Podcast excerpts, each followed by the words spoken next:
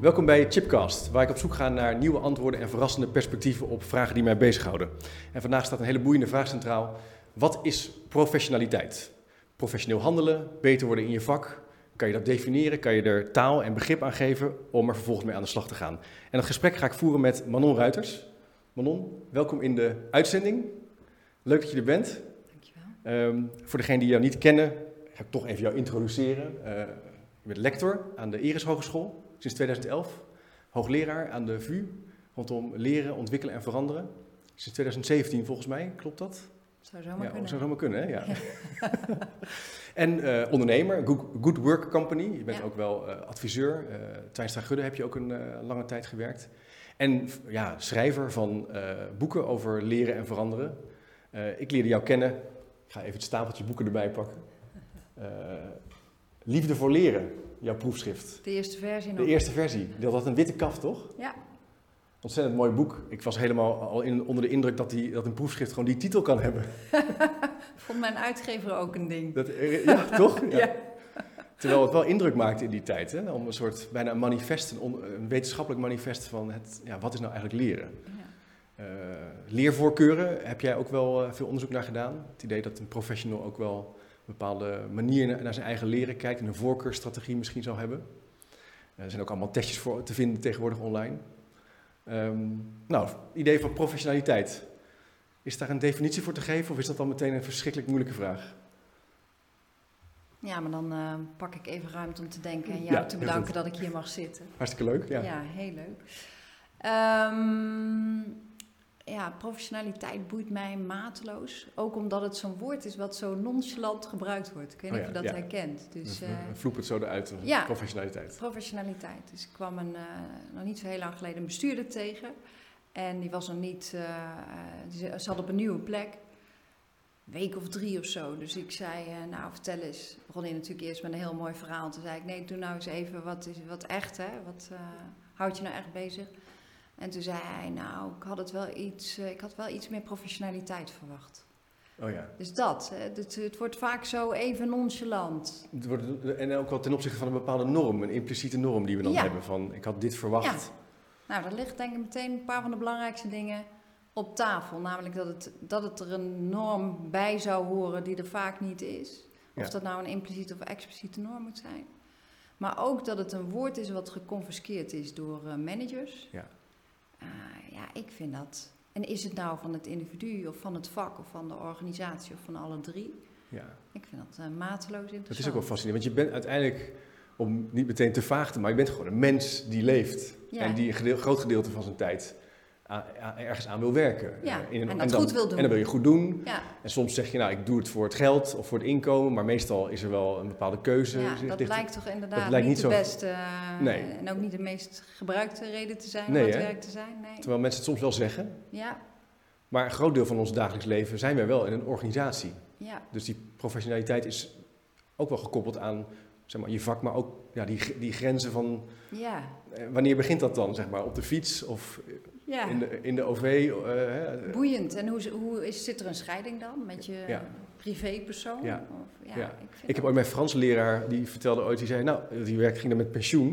En die zei, nou, als ik naar huis fiets, dan denk ik één minuut aan school en dan gaat de knop om en Oh, dan ga ik naar huis. Oh, heerlijk. En ik dacht, dat klopt volgens mij. ik, weet, ik dacht, dat kan bijna niet. Voor mij, ik dacht altijd, die man is niet alleen Frans leraar, die had ook een liefde voor Frans. Dat was een, heet, heet, je hebt er een woord voor als je helemaal fan bent, Frans, als je een soort Frans... Francofiel? Francofiel. Ja. Dus die was veel meer dan alleen dat hij les gaf. Ja. Dat is, dat is natuurlijk ook wel... Dus die grens is ook wel moeilijk, moeilijk te vinden misschien. ja. Kan jij het uitzetten, je, je werk? Mijn professionaliteit? Ja.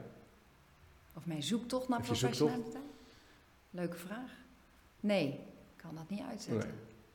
Maar ik ben nou met uh, een van mijn onderzoeksgroepen aan het uitzoeken wanneer heb je nou als professional het gevoel dat je het goed doet. Ja. ja. Vind ik een mooie vraag. Ja, dat is een wanneer mooie doe je nou eigenlijk goed? En uh, de eerste beelden en ook die van mezelf, want wat wij doen is dan eerst zelf die vragen beantwoorden. Dan schrik je eigenlijk best wel. Ja? Ja, want heel veel van uh, wat zie je dan wanneer weet je nou dat je het goed doet? Even, misschien dadelijk ook nog wel goed om even te hebben over het verschil tussen die begrippen. Ja, maar, ja. ehm, er zitten eigenlijk twee, twee punten die meteen bij iedereen naar boven komen. Dat is aan de ene kant is, eh, is mijn klant tevreden, dat is eh, een ding. Wat eigenlijk een hele ouderwetse opvatting is van kwaliteit. Als ik zo Ja. pot mag zijn Ja. om dat te zeggen. En de andere is eh, wanneer je zelf het gevoel hebt dat eh, dus je eigen intuïties en je eigen opvattingen, dat je dat naar je eigen mening goed hebt gedaan. Ja. Dus uit die enorme lijst van dingen waar we uit zouden kunnen afleiden dat je het goed doet, Zijn dat de twee, twee dingen, dingen? die eigenlijk continu naar voren komen. Ja. Ja, dit is heel recent is onderzoek, nog niet bevestigd of beschreven, maar het ik vind het wel een interessante lijn die Ja. daardoor ontstaat. En het is natuurlijk ook heel boeiend om met vakgenoten of met onderzoekers of collega's na te denken over die vraag. Misschien Ja. gaat het niet eens over, de niet altijd over de wetenschappelijke betrouwbaarheid van de uitkomst. Maar het Nee, idee nee, al, alleen al dat je, dat je erover kan. Dat Ja. kenmerkt jouw werk ook wel. Dat je zegt het is belangrijk om het erover te hebben. Ja, nou en in dit geval, kijk, we hadden met die groep afgesproken van, eh, we hebben natuurlijk twee boeken met, eh, met die club geschreven en wat gaan we nu doen? En we wilden eigenlijk eh, angst gaan aanpakken, omdat angst wel echt een, een ding is voor dacht, pak even een eh, serieus. Een serieus thema. Nou ja, emoties worden natuurlijk heel vaak Ja, eh, weggepoetst. ja, En eh, angst is er wel één die veel voorkomt. Ja. Maar dat bleek nog niet zo heel eenvoudig. En toen dachten we, dan beginnen we iets kleiner. En dan beginnen we bij het gevoel van door de man te vallen. oh ja, En dat is een heel veel voorkomende emotie. ze hebben me door. Tegen angst aan ligt. Ja, En, en daar komt dus ook die vraag vandaan. Want eh, afhankelijk van hoe je nou weet dat je het goed doet. Dus ik zat te denken, ja, als je nou vooral, vooral op je eigen intuïties en je eigen opvattingen en de reactie van je Precies, klant vaart, dat is relatief dunne bodem. ja, Dan, eh, dan snap ik wel dat die angst om door de man te vallen, dat die opduikt. ja. En het grappige is dat, terwijl er heel veel tegencertificering is, wat natuurlijk ook een favoriet onderwerp voor mij is om mee bezig te zijn, maar eh, nou, als je even echt weer bezig bent geweest met je eigen certificering op orde te krijgen, dus ik heb net eh, mijn CMC weer eh, ondertekend. Kijk, gelukkig. En dan daarna wordt het weer even rustig. Ja. Weet je wel? Dus daarna krijg je weer even het gevoel. Dan verdwijnt dat gevoel van ik kan elk moment door de mand vallen. Dat verdwijnt even. Dan ontleen je een bepaalde rust aan een formele, formeel Ja, nee, papiertje. nou, ik denk dat het meer is dat je onderzocht hebt. Eh, en dus die impliciete normen en die impliciete opvattingen even op tafel hebt gelegd. Dat je er even jezelf gedwongen hebt ernaar te kijken. Ja, En dan is het dat weer. is best ook wel goed af en toe natuurlijk. dat is eigenlijk best wel goed. Ja. Ja.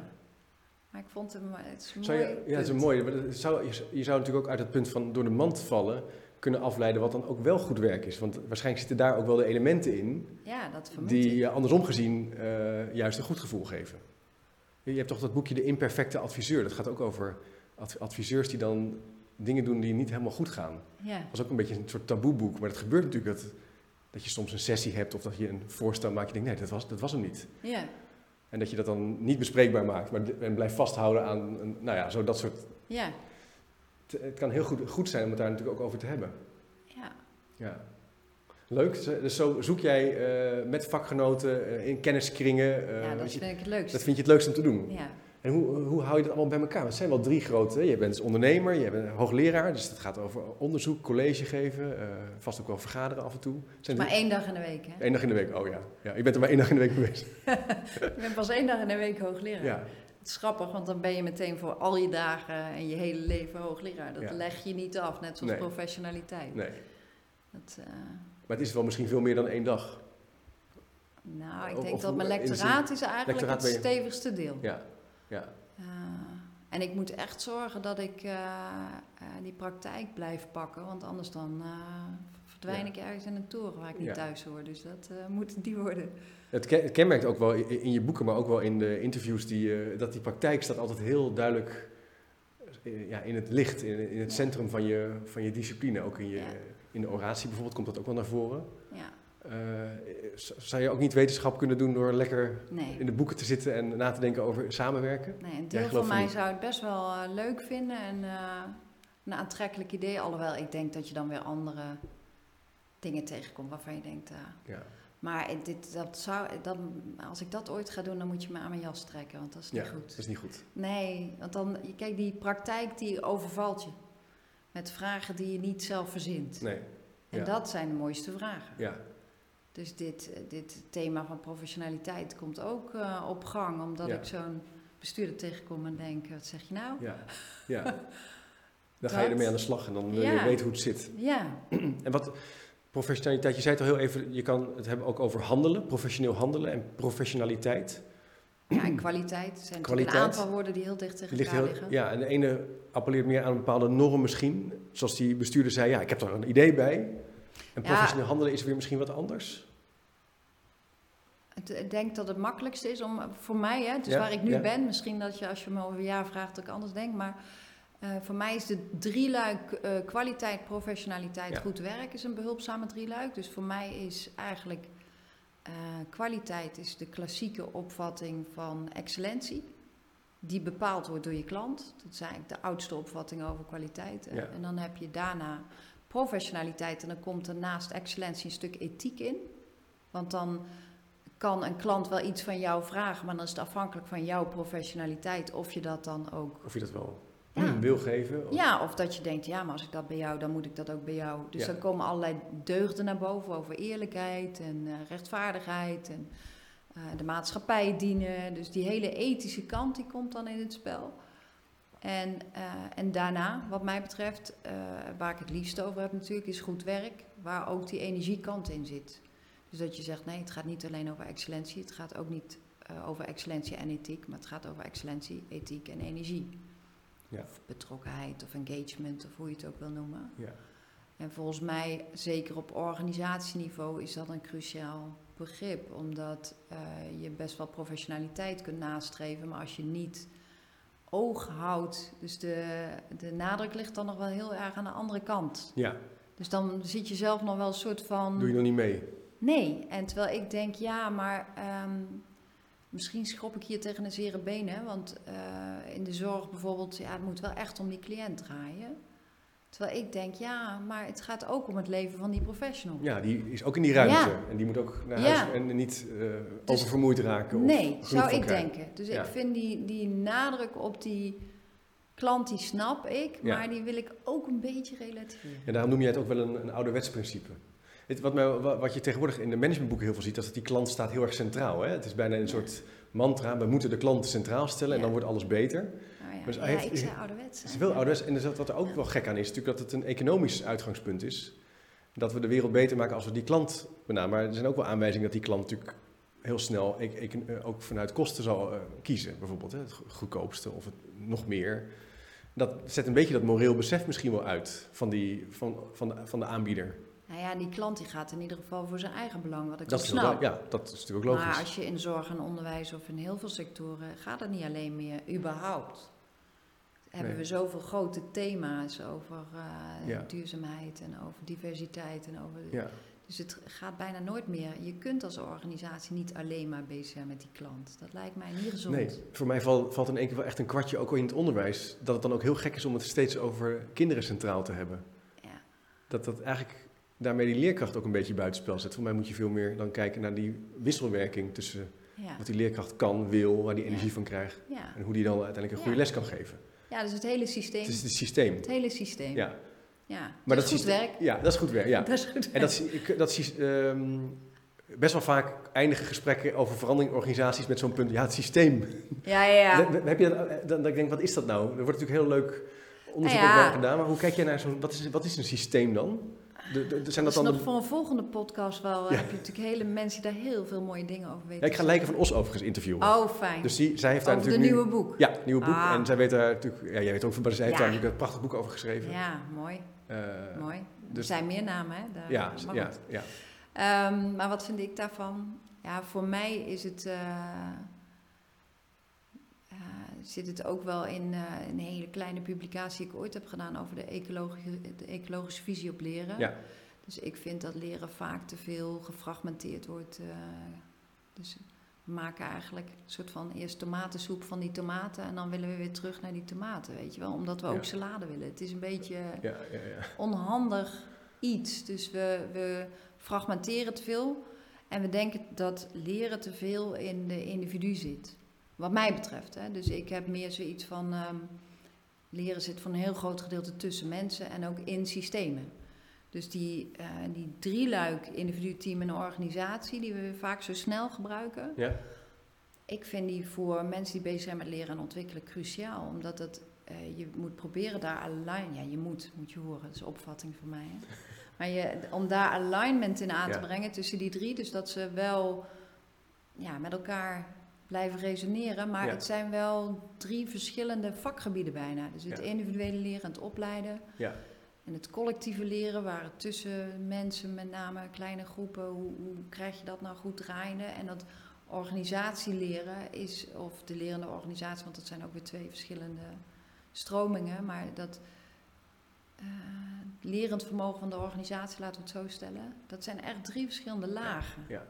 En ik vind ze alle drie belangrijk. ja ze, en ze, ze grijpen ook op elkaar in. Ze schrijven ontzettend op elkaar in. Ik herinner me nog dat toen jij net je, je eh, proefschrift had verdedigd, dat je het- ben ik bij een lezing van je geweest waar je het ook over die ecologielijn had, waarin mensen ook over vermoeid raakten en opraken ja. als het gaat over leren. Dat ze ook Ja. een associatie krijgen Ja. van, nou ja, naar een training gaan, een trainer, eh, leerdoelen. eh, Wij proppen mensen vol, hè? proppen mensen vol. Ja. Dat, en, en dat je eigenlijk weer terug moet naar een soort werkbaarheid en energie. Dus Ja. daar zit ook wel, Zit je, ben je weer bij die E. ben je weer bij die E van energie. Ja. Ja.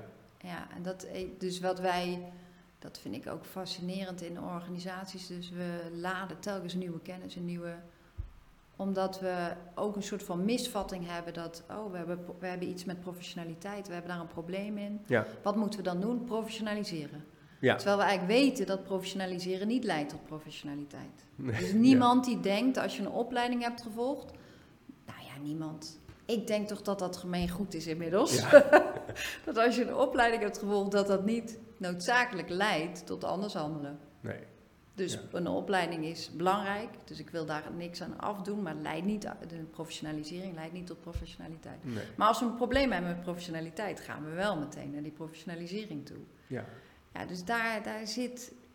Ja, en daar, met die professionalisering, doordat we dat steeds doen, laden we mensen iedere keer weer vol met nieuwe kennis en nieuwe informatie. We vragen ons niet af waar dat conflicteert of hoe dat in elkaar zit. Of we ruimen niet op. We ruimen niet op. Nee, dus we, dat doen we wel met onze zolder en ons bureau, maar Ja. niet met een hoofd. Nee. Dat is toch eigenlijk jammer. Ja. Dus ik, dat Het is. komt er allemaal bij en het wordt Ja. één. Ja. Dus daarom dat ik professionele identiteit zo'n belangrijk ding vind. Dat je af en toe gewoon opruimt. Ja, en daarom is dat gesprek ook belangrijk om het als professional te hebben over hoe jij acteert in die organisatie, in dat team, Zeker. in dat systeem. Zeker. Maar dat zijn natuurlijk ook altijd wel lastige gesprekken. Want ze duren, ze, het kost tijd, hè? het is minder meetbaar. Het fijne natuurlijk ook bij een opleiding is dat we weten van nou, als ze gaan, dan kunnen we in ieder geval weten dat ze zijn gegaan. Hè? Daar is alleen een organisatie ook wel rust aan. Ja, dit is zo'n onderwerp waar ik op vast ga lopen, Chip. Ja? Oh. Ja. Oh, oh, we moeten niet hebben natuurlijk. Wat, waarom dan?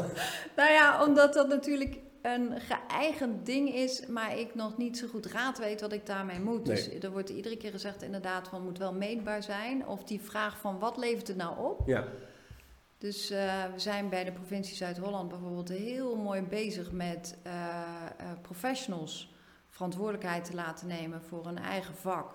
Zonder dat ze daarmee in opleidingen belanden. Dus we spreken hun ook aan van wil jij wel iets doen aan je professionaliteit? Wil je, vind je het fijn om aan je vak te werken, maar wil je niet naar een opleiding?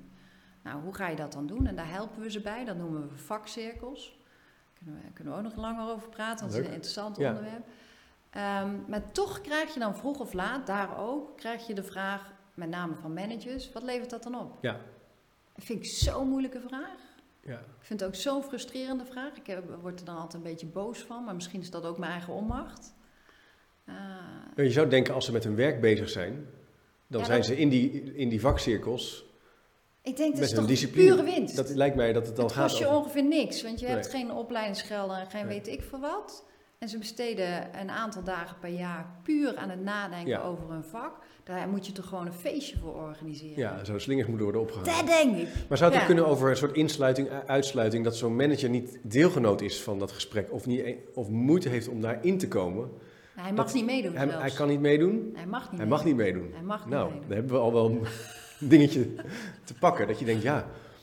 Hij ik- heeft ik- gewoon een ander vak. Hij mag wel zijn eigen vakcirkel. Ja, en wat, kan een, wat houdt een manager, eh, niet om, om er over, slecht over te praten, maar een manager wil, wat is dan nog zijn vak vandaag de dag? Dat is natuurlijk wel kijken naar eindresultaat, naar doorstroom, naar verbetering. Misschien ja, dat die wel dus, gaan zeggen af, hè, zo, dat dat een soort...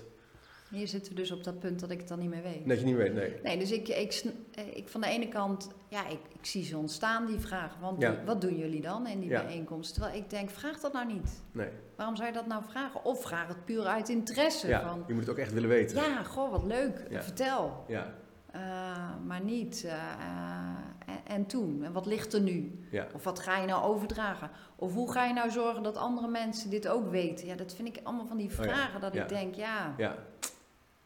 Op een ander moment misschien, maar nu even niet. Er is in mijn, in mijn ervaring ook weinig bewijs voor dat je kennis wat lokaal in zo'n kenniskring wordt gecreëerd, kan, kan delen naar andere teams. In de zin dat je het eruit kan halen en dan in een pakketje kan stoppen.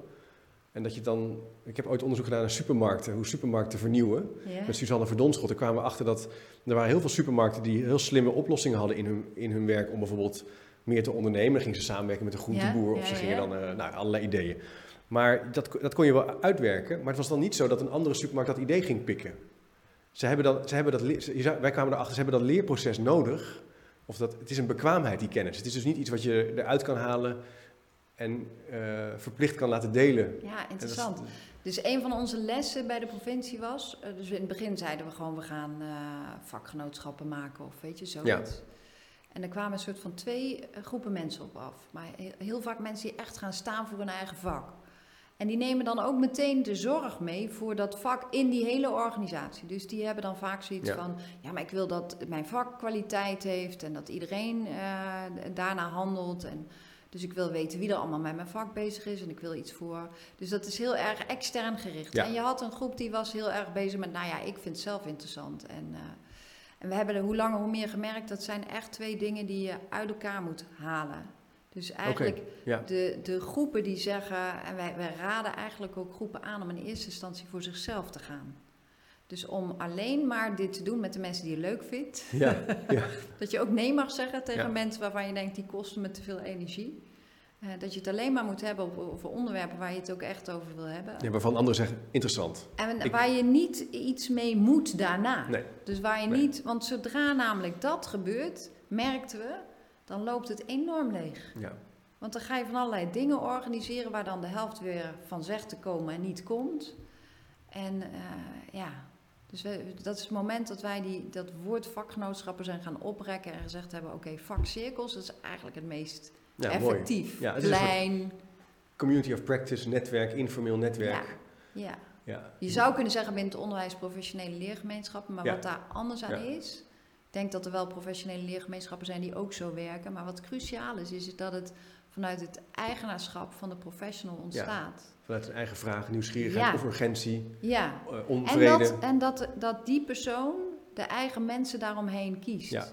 Waar professionele leergemeenschappen die ik, waar ik geworstel om hoor, zeg maar, waar dat vaak fout gaat, is dat mensen bij elkaar worden gezet. Ja. Nee, maar jullie Ja, ja, hebben allemaal ja. dezelfde interesse, gaan jullie Ja. dat eens met elkaar doen? Ik herken dat in het eh, promotieonderzoek wat ik deed naar informele netwerken, kwamen we erachter dat netwerken die succes- succesvol waren om te innoveren, dus dat waren groepen die dan aan Ja, nieuwe dwang- en drangverpleging werkten of eh, beleid rondom eh, eh, nieuw onderwijs, dat die zelf eh, uitnodigden. Ja. En, dat, en er waren ook groepen waar het dus stagneerde. En dat waren vaak, ik noemde dat al de Outlook-agenda verzoeken. Dus dan Oh, werd er ja. zo'n Outlook, nou, Ja. eh, volgende week Komt u woensdag komt u ook kenniskring. ja. Nou, daar komt Voorlopig ja. voorlopig, ja, tentative. ja. Je weet het eigenlijk al. Daar kan wel weer iets uit ontstaan, maar je voelt al wel aan. En wat er ook al gebeurde, was dat mensen soms naar voren werden geschoven. Dus dan zei ik, nou, ik kom wel een keer, maar het zou eigenlijk leuk zijn dat je Manon eens uitnodigt. Ja. En, dan, en omdat ik dan misschien eh, een leidinggevende was, dacht, ik, dacht die ander, ja, laat dat dan maar toch maar doen. Ja. Nou, dat Ja, is dan eigenlijk wel de dood in de pot. Ja. Dus we hebben eigenlijk een soort van ondersteunend systeem daar georganiseerd. Dus wij, wij doen helemaal niks in die cirkels. Dat laten we echt aan hun. Ja, Eh, maar wel een ondersteunend systeem waarin al die vragen die ze tegenkomen van eh, ah, we, we komen niet in gesprek. Of er zit iemand die het blokkeert. Of we krijgen een vraag van iemand en we willen eigenlijk niet dat hij of zij meedoet. Al dat soort vragen, die vangen we juist wel op. Oh, je hebt een soort eerste hulp. Ja. Eh, maar dat is meer op proces en procedure. Goed? Ja, en ook op het moment dat ze zeggen we willen een keer een andere vorm. Ja, Of we komen niet de diepte in, of eh, eh, dan, dan denken Ja. we mee. Maar we komen dus niet aan die cirkels zelf. ja. En de- daarnaast hebben, ja. we, hebben we dingen die meer gaan over kenniscentra of Ja. eh, kennisnetwerken. Dat zijn echt hele andere dingen. Ja, Ja, leuk.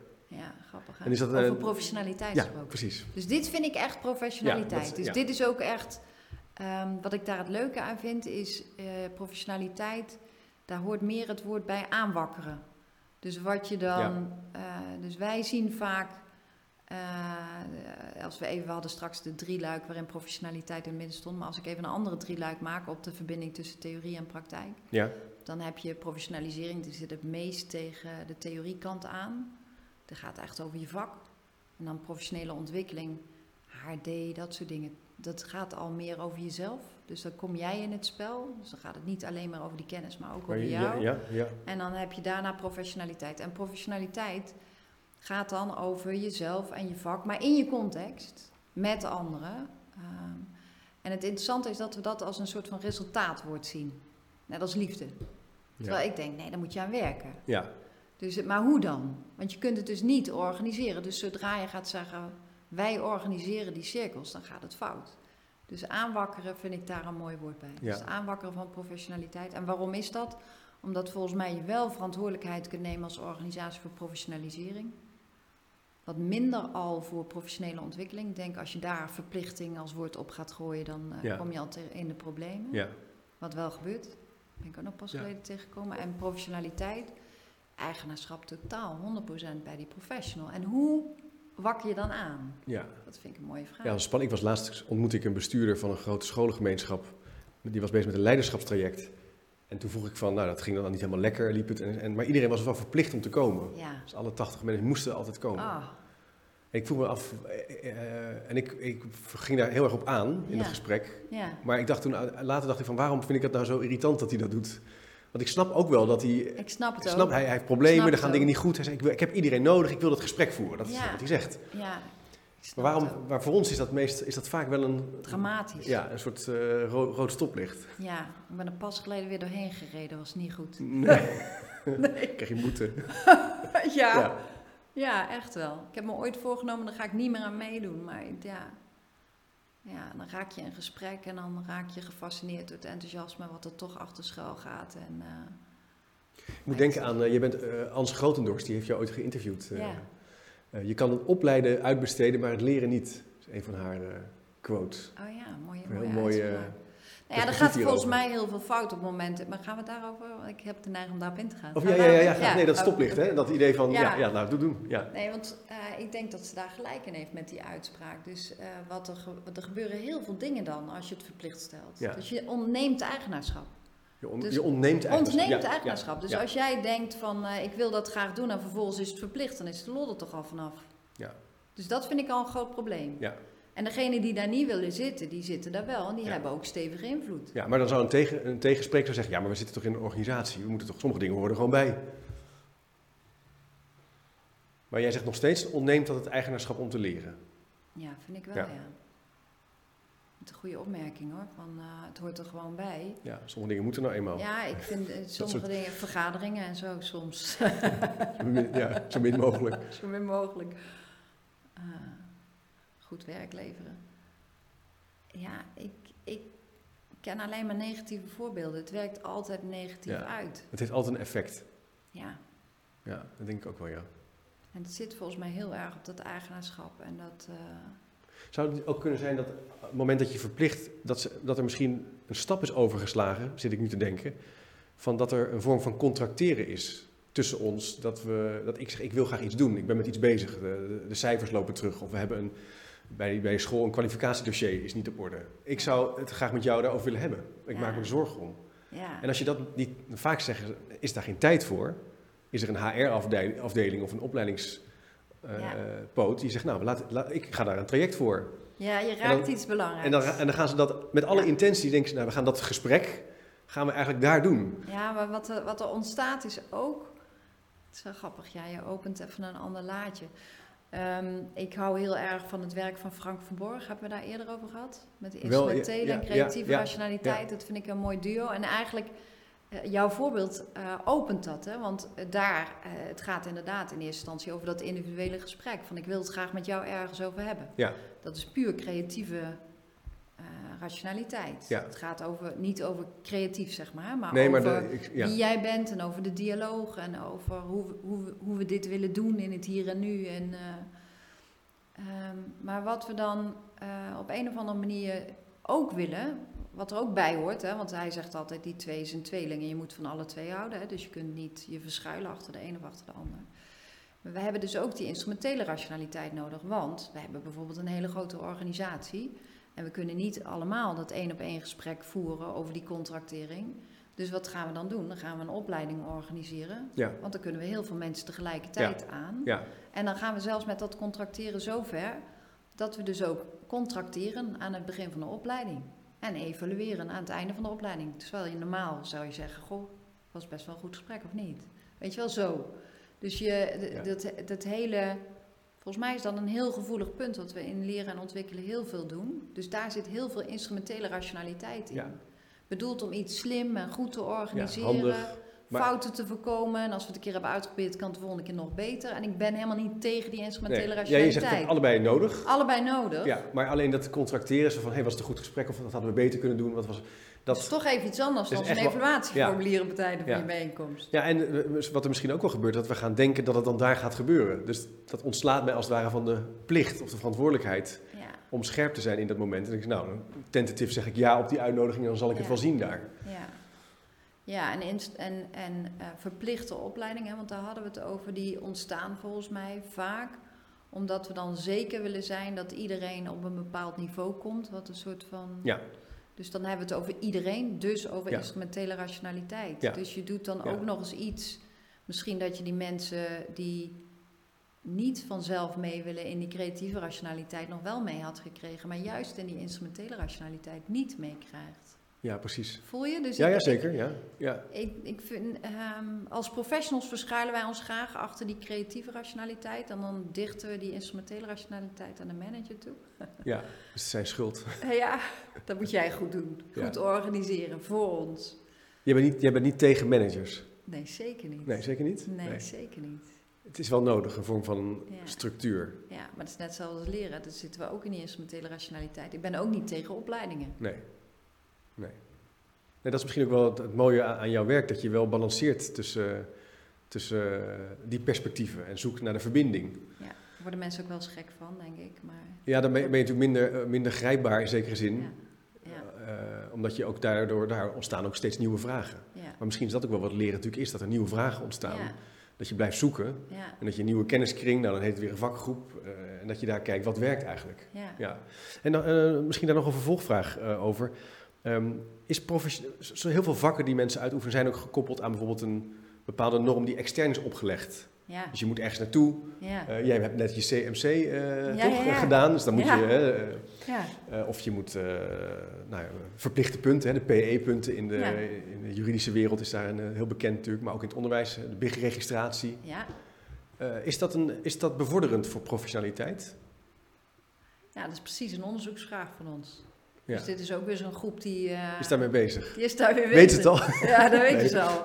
Nee, maar Ja. of ze het antwoord weten. Ja, hoe, kijk eens, nou, ja, ben dus ik wel er komen naar. wel eerste dingen naar boven die wel interessant zijn. Want ehm, eh, bijvoorbeeld een van de dingen die eh, vrij breed wel blijken te werken... is het- afwegingsproces. Wanneer ga ik dat nou wel of niet doen? Ik weet niet of, of jij dat herkent, maar CMC is echt zo'n keuzemoment. Ja, Dus als je bij een grote organisatie werkt, ik heb natuurlijk jarenlang bij Twijnstra Gudde gewerkt, en dan was Twijnstra Gudde eigenlijk je, eh, je certificaat. ja, En eh, dus, de, ja, dus wanneer ga je nou wel of niet zo daaraan meedoen, ja, zeg maar, ehm, is al een moment. En eh, als je daar dan instapt, dan, we- dan schijnt heel erg, dan blijkt heel erg mee te wegen wie heeft nou bepaald hoe dat in elkaar zit. dus neem ik die mensen serieus. Dus je bedoelt, je, oké, op een gegeven moment zeg je, ik ga Nou, dat ik doen. ga het doen. En dan ga je kijken, wie, zit er, wie, wie gaat dat nou bepalen? Dat weegt vaak Dat- mee. dat wie heeft mee. nou bepaald hoe dat systeem in elkaar ja, dat snap ik wel, ja. Dat voel, ik, eh, dat voel je natuurlijk meteen. Ja. Ja. en als dat geen mensen zijn die jij waardeert, Ja, dan eh, is het al lastiger. Of als het een, eh, een Ja. ding is van overheidswegen, is het ook al meteen anders. Ja. Dus dat, dat, dat speelt heel erg een rol. En dan de eerste keer door die hoepel springen vinden de meeste mensen eh, spannend, maar ook wel interessant. En dat, dat had ik zelf ook wel. Omdat je dan het gevoel hebt van, eh, oeps, heb je weer dat door de mand vallen. Ehm, en als je de, maar als je hem dan doet, dan denk je, oké, Ja. weet je, het levert echt wat op. ja, er staat wat op het spel dus ook eigenlijk Ja. wel. Dat gevoel is ook misschien wel goed om even te hebben weer. Ja, kan, maar- het kan misschien, misschien zien, misschien hebben ze het door.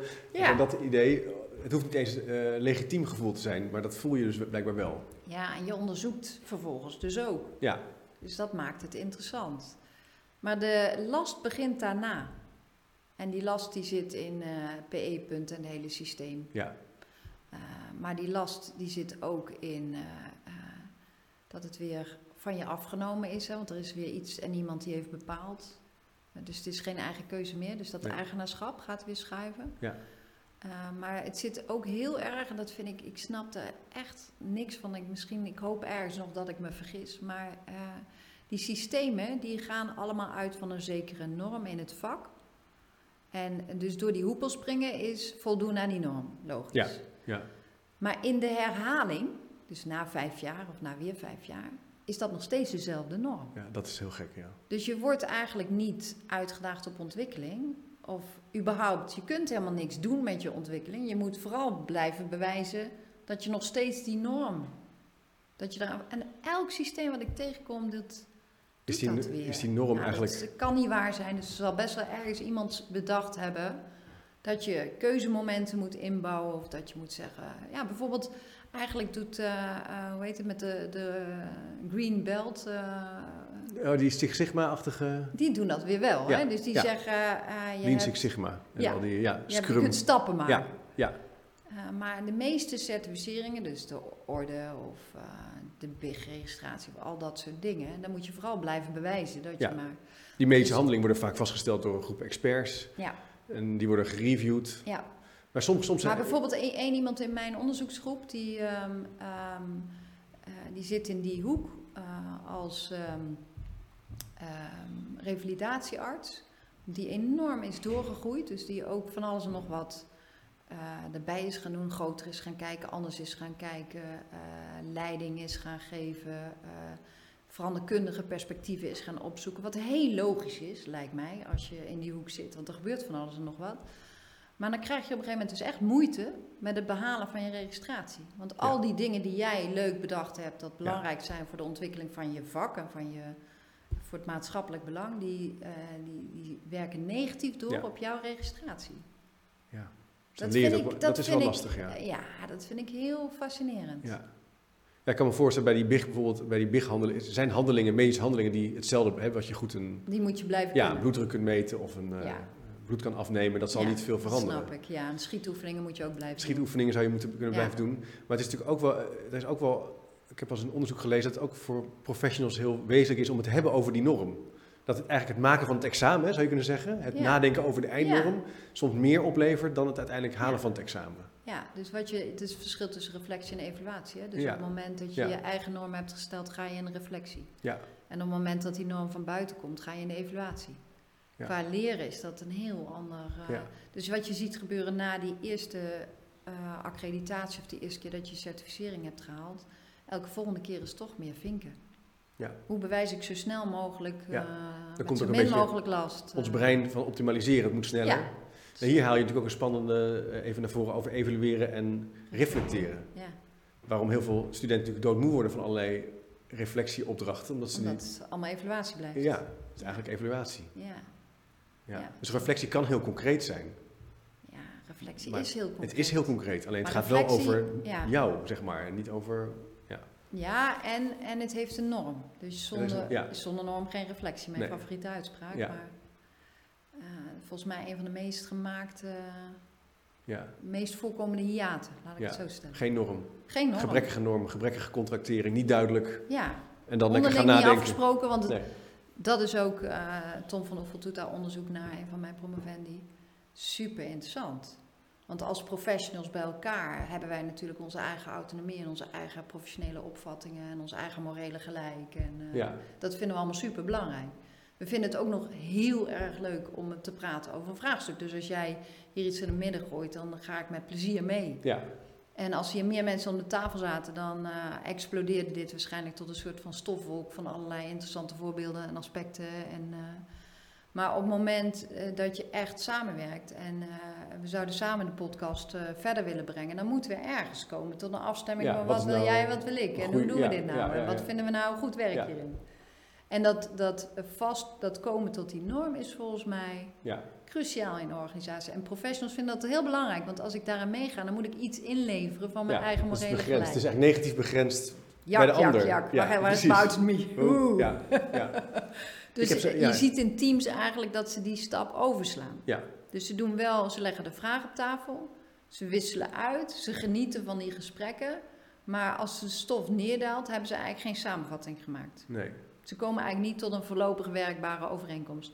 En het grappige is, vind ik, dat zou tweede slags leren zijn. Als ze het wel zouden doen. Ja. Ja, dat zet natuurlijk wel even je bestaande opvattingen. Ja, Ja. dus daar kan je heel veel winnen nog. Oh, Ja. Maar dat doen we, erg dat slaan we over of we...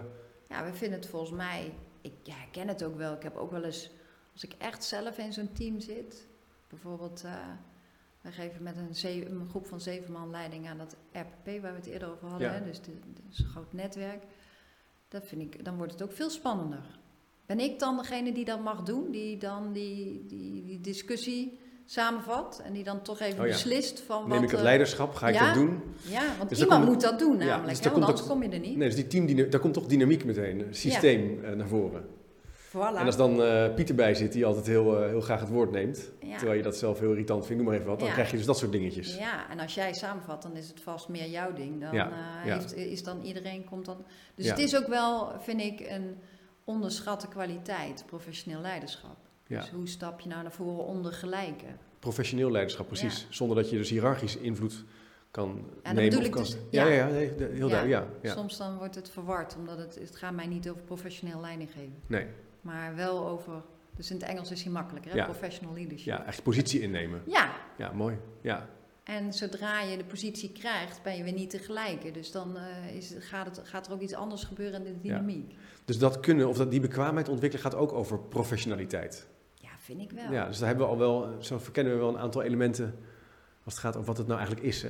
Ja. En hoe, hoe je het kunt laten groeien. Het is gekoppeld aan een organisatie, dus daar heb je natuurlijk al belangen en systemen. Daar hebben we het nog het minst over gehad. Over. Ja, daar komen we misschien zo, zo nog op. Eh, Ik heb wat vragen natuurlijk ook eh, Oh, van, ja. van luisteraars. eh. Tadaa, ja. Ehm, even kijken. Eh, ja, ik had eentje van Marieke Pillen. Eh, ik werk met haar samen bij de katholieke Pabel in Zwolle. Zij vroeg zich af, wat is nou de relatie tussen eh, praktische wijsheid, dat concept dat spreekt er heel erg aan, maar ook zelfsturing bijvoorbeeld. Wauw. Het idee van, ja, want soms Ik haal je... meteen even afgeleid, omdat ik natuurlijk Marieke ken. Dus dat is leuk. Oh, ken- ja, dus, nou, ja, nou, heeft eh, Ehm, zelfsturing en praktische wijsheid. Of misschien kan je eerst eens, zouden we eerst kunnen beginnen met dat idee van practical wisdom of praktische wijsheid in Nederland. Hoe je dat zou, hoe zouden we dat ik kunnen dat duiden? typeren? Ja, hoe zou jij dat ty- typeren? Nou ja, het is eh, eh, de deugd alle deugden, hè, zeggen ze. Dus deugden zijn eigenlijk dingen die eh, ehm, zijn vormen van karaktervol en goed handelen. waar je niet precies van kunt aanwijzen wanneer het goed is, omdat er altijd een te veel of te weinig is. Dus een deugd is bijvoorbeeld eerlijkheid. En je kunt nooit eerlijkheid exact omschrijven, want in de ene situatie is, dat, is het heel eerlijk en aan de andere Ja, kant is het een olifant door een porseleinkast. Hè? Dus dat is een deugd.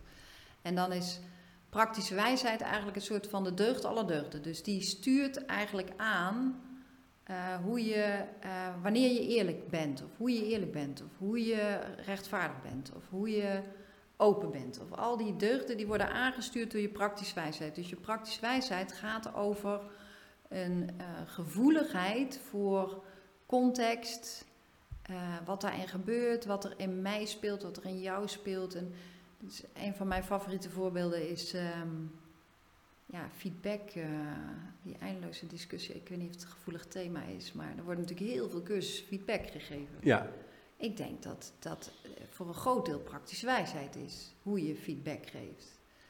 En eh, dat dat dus veel minder leerbaar is in een cursus. Dat het heel erg gaat over mooie voorbeelden, leren van mooie voorbeelden. En dan Ja. niet om dat voorbeeld over te nemen, maar om te achterhalen wat heeft iemand nou bewogen om zo te handelen. Omdat het heel erg gaat over, ehm, als ik weet wat jouw context is of waarom jij eh, doet zoals je doet, dan ga ik daar ook op een andere manier op reageren. Afhankelijk van wat ik daarmee wil, wat ik kwijt wil, dan word ik me bewuster van. Wil ik jou nou daadwerkelijk iets teruggeven of wil ik eigenlijk zelf iets kwijt? Of Dat, dat is allemaal Ja, dat, zijn- praktische dat kan wijsheid. heel erg door elkaar heen lopen natuurlijk. Ja, ja. dus ik, vind- de, ik vind dat eigenlijk de makkelijkste omschrijving. Ik snap dat het een beetje conceptueel is, maar de Nee, deugd dat is alle deugd is. Deugd alle deugden. En de, er spreekt ook wel een soort liefde voor filosofie uit. Hè? Deugd, Ja. toch weer terug naar de deugden, Ja. ethiek. En, Wat eh, vind jij praktische wijsheid? Ik ben eigenlijk wel benieuwd. Ja. Ik zou ook wel denken inderdaad dat er, een, dat er wel een natuurlijk idee is van het goede in ons. En ehm, ook in de, want eh, Aristoteles is natuurlijk wat langer geleden uit, eh, uit de klassieke oudheid, maar ook in de verlichtingsfilosofie ja, eh, had Kant bijvoorbeeld wel zo'n idee, Immanuel Kant, die Duitse filosoof, ja. dat we onszelf een morele plicht moeten opleggen om, om het te hebben over ons moreel kompas. Ja. Als we dat doen, dat is het goede, zeg maar. Of dat, dan, dan, daarmee ja. handel je juist. En ehm, ik moet wel eens denken aan het voorbeeld dat, ik, als een, dat als er een kind plotseling over straat eh, zou rennen en die zou bijna worden aangereden, zouden bijna alle mensen schrikken. ja. Er zou eigenlijk geen enkele iemand eh, denken, ach laat maar. Nee. Dus er is blijkbaar wel iets in ons, e- evolutionair, Ja, of, ja. en dat voel je ook wel in groepsprocessen als er iets misgaat of als iets, dat we een gevoel hebben van we willen het juiste doen. ja. Dus ik denk En wel- daar zit ergens dat, eh Ja. die praktische wijsheid. En dat is het spannende wat jij heel mooi omschrijft. Dat is natuurlijk een, heel, een soort weegschaal die inderdaad heel moeilijk is te, Ik denk dat die heel sterk relationeel uiteindelijk is, het vermogen om het erover te hebben. Wat, is eigenlijk, wat vinden we eigenlijk goed Ja, hier? Wat vinden we prettig? Hoe, ze- Ja. hoe maken we hier een leuk project van? ja. Is het goed om die klant dit pro- product aan te smeren, terwijl we weten dat we volgend jaar er, ervan afstappen? Eh, dat, dat zou denk ik... ja.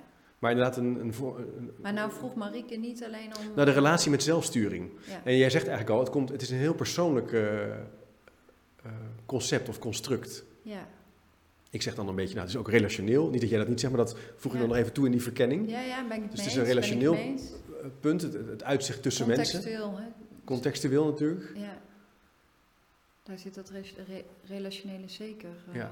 ja. Ehm, en hoe zit het dan met zelfsturing? Ja, mooie vraag. En bij professionele identiteit zitten ze natuurlijk op een rijtje. Dus zelfsturing, excellentie, wijsheid, Ja, veerkracht. Dus ze hebben eh, wel degelijk te maken met elkaar. Alleen al door die professionele identiteit die allebei veroorzaakt. Maar ik denk dat het eh, op, het moment dat je. Maar dit is eh, hard op denken. Hè? Dus op het moment dat je beschikt over praktische wijsheid. Dat die praktische wijsheid ook naar binnen slaat. Dus ook betrekking heeft op jezelf. En dus ook maakt dat je zelf gaat wegen van. Eh, wat wil ik, wat, wie ben ik dan in die context? Of wie ben ik Ja. dan in die relatie? Ja. Of eh, eh, hoe geef ik daarin dingen vorm? Of hoe geef ik mijn eigen ontwikkeling vorm? Dus ik zou hem daar ergens zoeken. ja, Dus ik kan me niet voorstellen dat je praktische wijsheid alleen maar gaat over de ander. Wij zijn nog wel eens geneigd om te denken, hè, dat die lat die leg ik alleen jou op en niet mij. Of andersom alleen mezelf en ik bedoel hem niet voor jou. Maar volgens Ja. mij kan dat bijna nee, dus het is niet. heel erg een persoonlijke, het- uitgangspunt is van het individu zelf. Waar het- ja. Ja, dus ik denk als jij over praktische wijsheid beschikt, dan kun je dat niet loslaten op iedereen om je heen en niet op jezelf. Nee. Dus daar zou ik op zijn minst verwachten dat daar een relatie Ja. zit met zelfsturing. Ja. ja het uitzicht is ook wel in, in eh, kleine situaties hè, in het dagelijks werk. Waarin, verschillende, waarin, je, waarin je een uitdaging tegenkomt en weet hoe je van nature het juiste moet doen. Eh, Binnen, Ja. hè, dus eh, verzorgende, die moet iemand eh, een diabetes inenting geven of een prik geven. Ja, En tegelijkertijd is er weinig tijd. En dan moet hij dus een keuze maken. Of hij moet en de steunkousen vervangen en dit. En welke volgorde. Ja, ja, ja. En dat hij weet, oh ja, ik heb dat gezien bij iemand anders.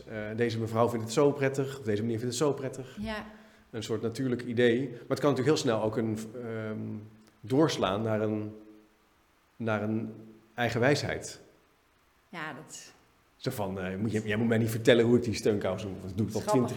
Want dat is de tegenover, tegenhanger van professionaliteit, Ja. amateurisme. Amateurisme, ja. En Eigen volgens mij is de, Ja. de, de, de, de hefboom daartussen is autonomie. Ja, En ik vind dat dus ook het gevaarlijke van al die discussies over de autonome professional. ja, Dus ik, ik, ik begrijp ook wel in sommige organisaties, ik krijg die vraag ook letterlijk, dat, eh, eh, dat door de grote hang naar autonomie de professionaliteit afneemt. Wat ik snap. ja, Want doorgeslagen autonomie is volgens mij amateurisme. ja. Dat is natuurlijk ook een probleem wat we veel terugzien in het onderwijs. Dat er zo'n grote hang is naar autonomie. Mijn klas, Ja, mijn les. maar hoe kan dat nou eigenlijk? Want je bent toch met elkaar school. Ja, dat zou wel moeten zijn, ja. Zou zo moeten zijn. Dus ik vind die collectieve kant Ja. van leren, Ja, van is heel belangrijk. professionaliteit, super En belangrijk. van Daar weten we uiteindelijk. eigenlijk veel te weinig van. Klopt. Maar ik denk ook dat uiteindelijk scholen die goede scholen, of fijne scholen, in dit voorbeeld dan, hebben wel eh, interactie met elkaar, praten over les. Ja, of bijvoorbeeld, dat, zeker. ik, ik doe heel veel lesbezoeken, zie je vaak dat de schooldirecteur zegt, ja, ik kom constant in die klas. Ik ben daar gewoon. Ja, En scholen waar het vaak minder goed gaat, is het ongemakkelijk als je de klas inkomt. ja. Ook komt er iemand, komt Manon binnen, weet je, ho, ho, ho. ja, ja. Ik heb mijn les niet voorbereid. Ja. Eh, ja, straks ziet ze dat ik een beetje streng ben of eh, dat ik die ene weer apart heb gezet. Terwijl als je, daar dus geen, als je dat niet kunt re- beredeneren of je vertrouwd voelt, zelfs bij die uitdaging, ja, dan wordt het een heel ongemakkelijk. eh, ja, dan kan je natuurlijk in een geleidende schaal komen. Ja. Ik denk ook dat het op heel veel plekken wel goed gaat hoor.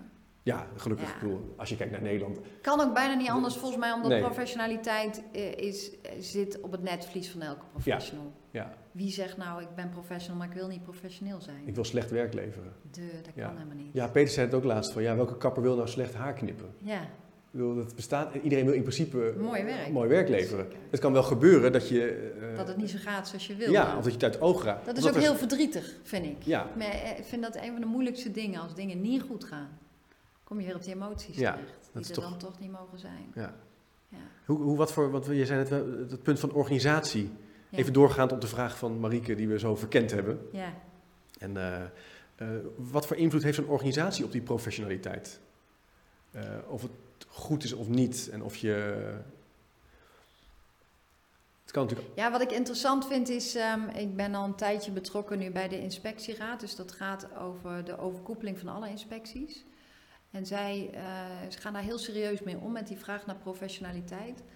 En het duurde echt een tijdje voordat eh, ik merkte dat ik eh, iets verkeerd begreep van wat zij zeiden in hun vraag naar professionaliteit. Dus ik dacht ja. automatisch, het gaat over die professionals, over die individuele en deels collectieve kant. Maar zij bedoelde ook heel erg, het gaat over die organisatie.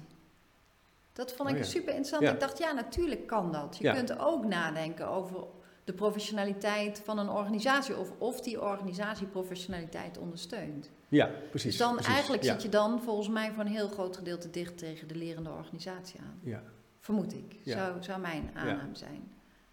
Dus ik denk, eh, ja, nou ja, heel voor de hand liggend, misschien bijna te eenvoudig voorbeeld, maar systemen werken heel vaak professionaliteit tegen.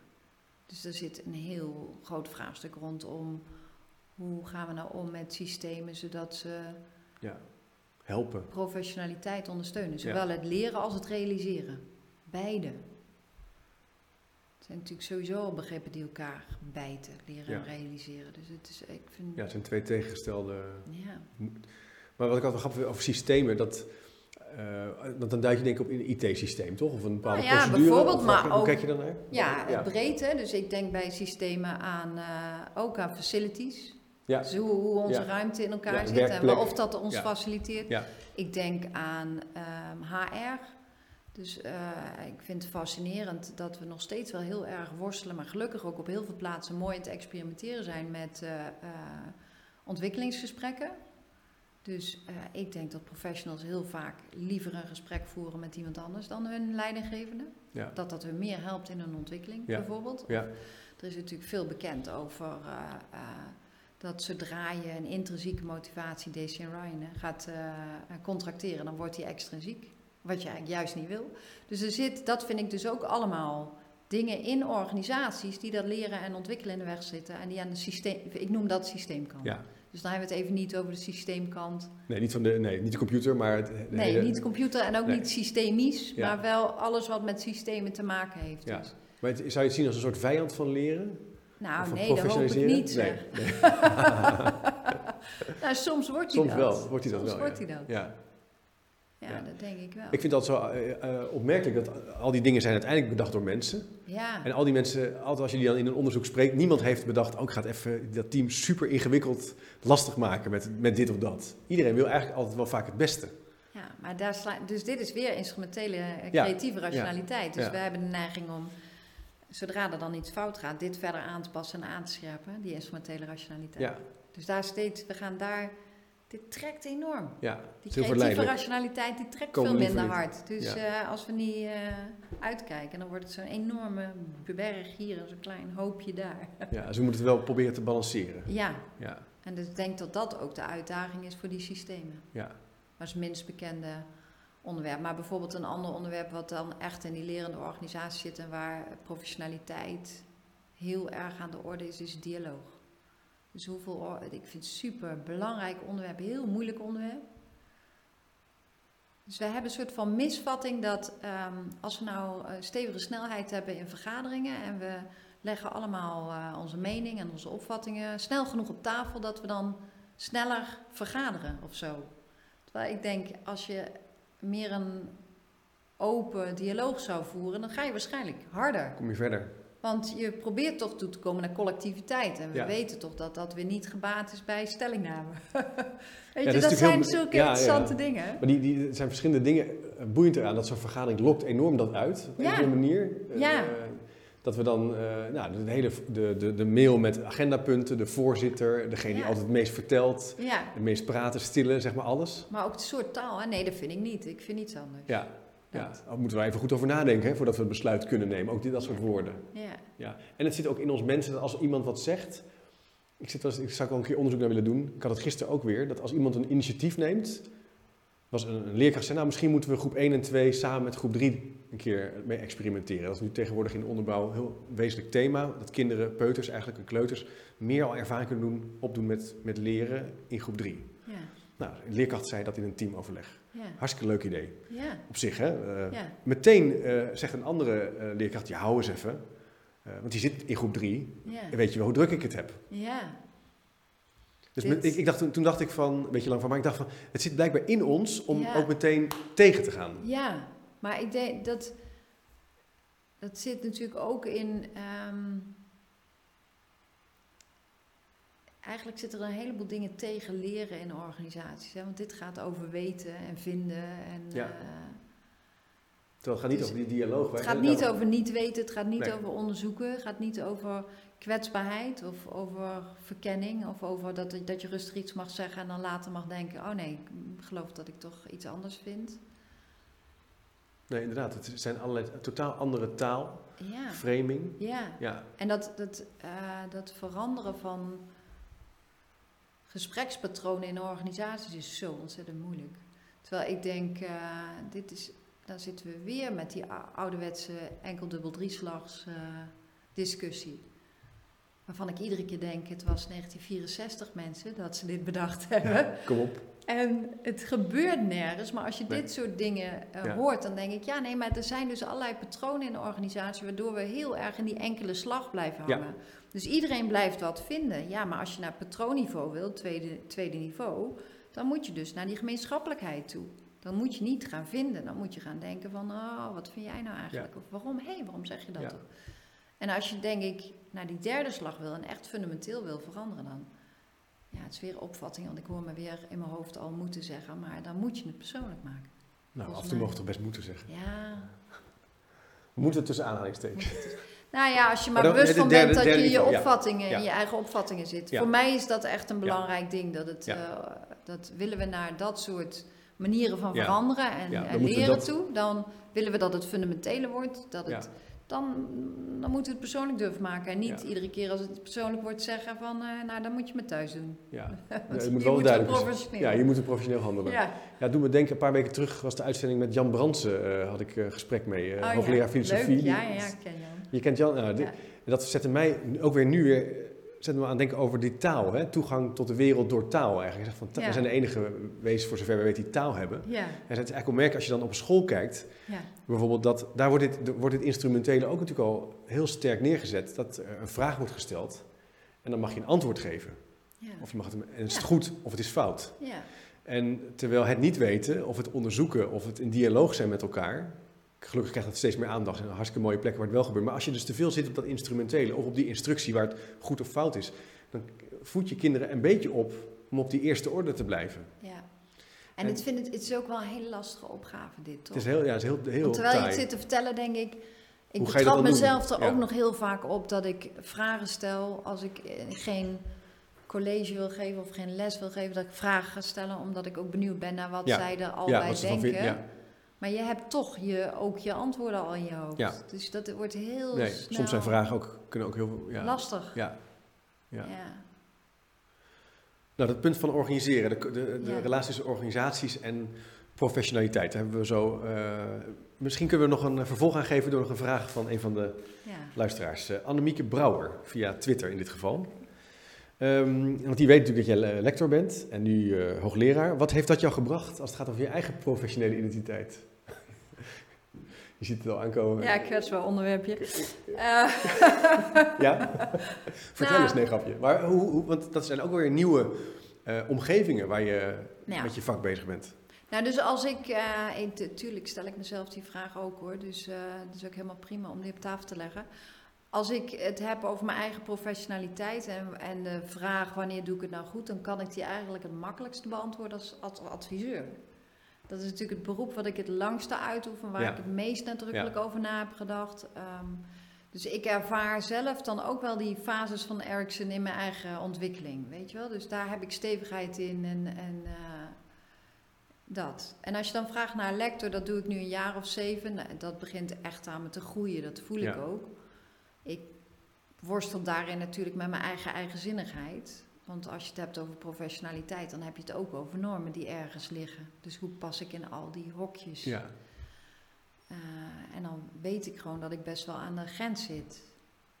Ben ik daarmee een minder goede lector, weet je? Dat is, eh, vind ik een interessante vraag. Pijnlijke vraag ook bijna om die zelf te stellen.